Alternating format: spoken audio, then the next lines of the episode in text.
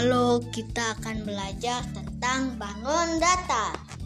Bangun datar adalah bagian bidang datar yang dibatasi oleh garis lurus atau lengkung. Macam-macam bangunan datar persegi. Ciri-cirinya keempat sisinya sama panjang, mempunyai empat titik sudut, mempunyai empat sumbu simetri, mempunyai simetri putar. Dua, persegi panjang. Ciri-cirinya sisi yang berhadapan sama panjang, mempunyai empat titik sudut, mempunyai dua sumbu simetri, mempunyai dua simetri putar.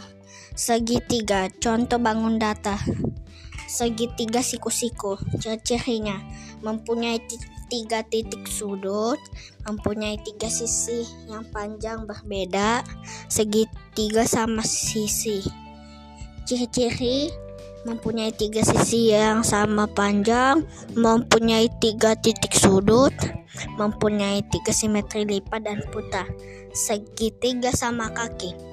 Ciri-cirinya mempunyai dua sisi sama panjang, mempunyai satu sisi sebagai alas dan mempunyai tiga titik sudut. Terima kasih.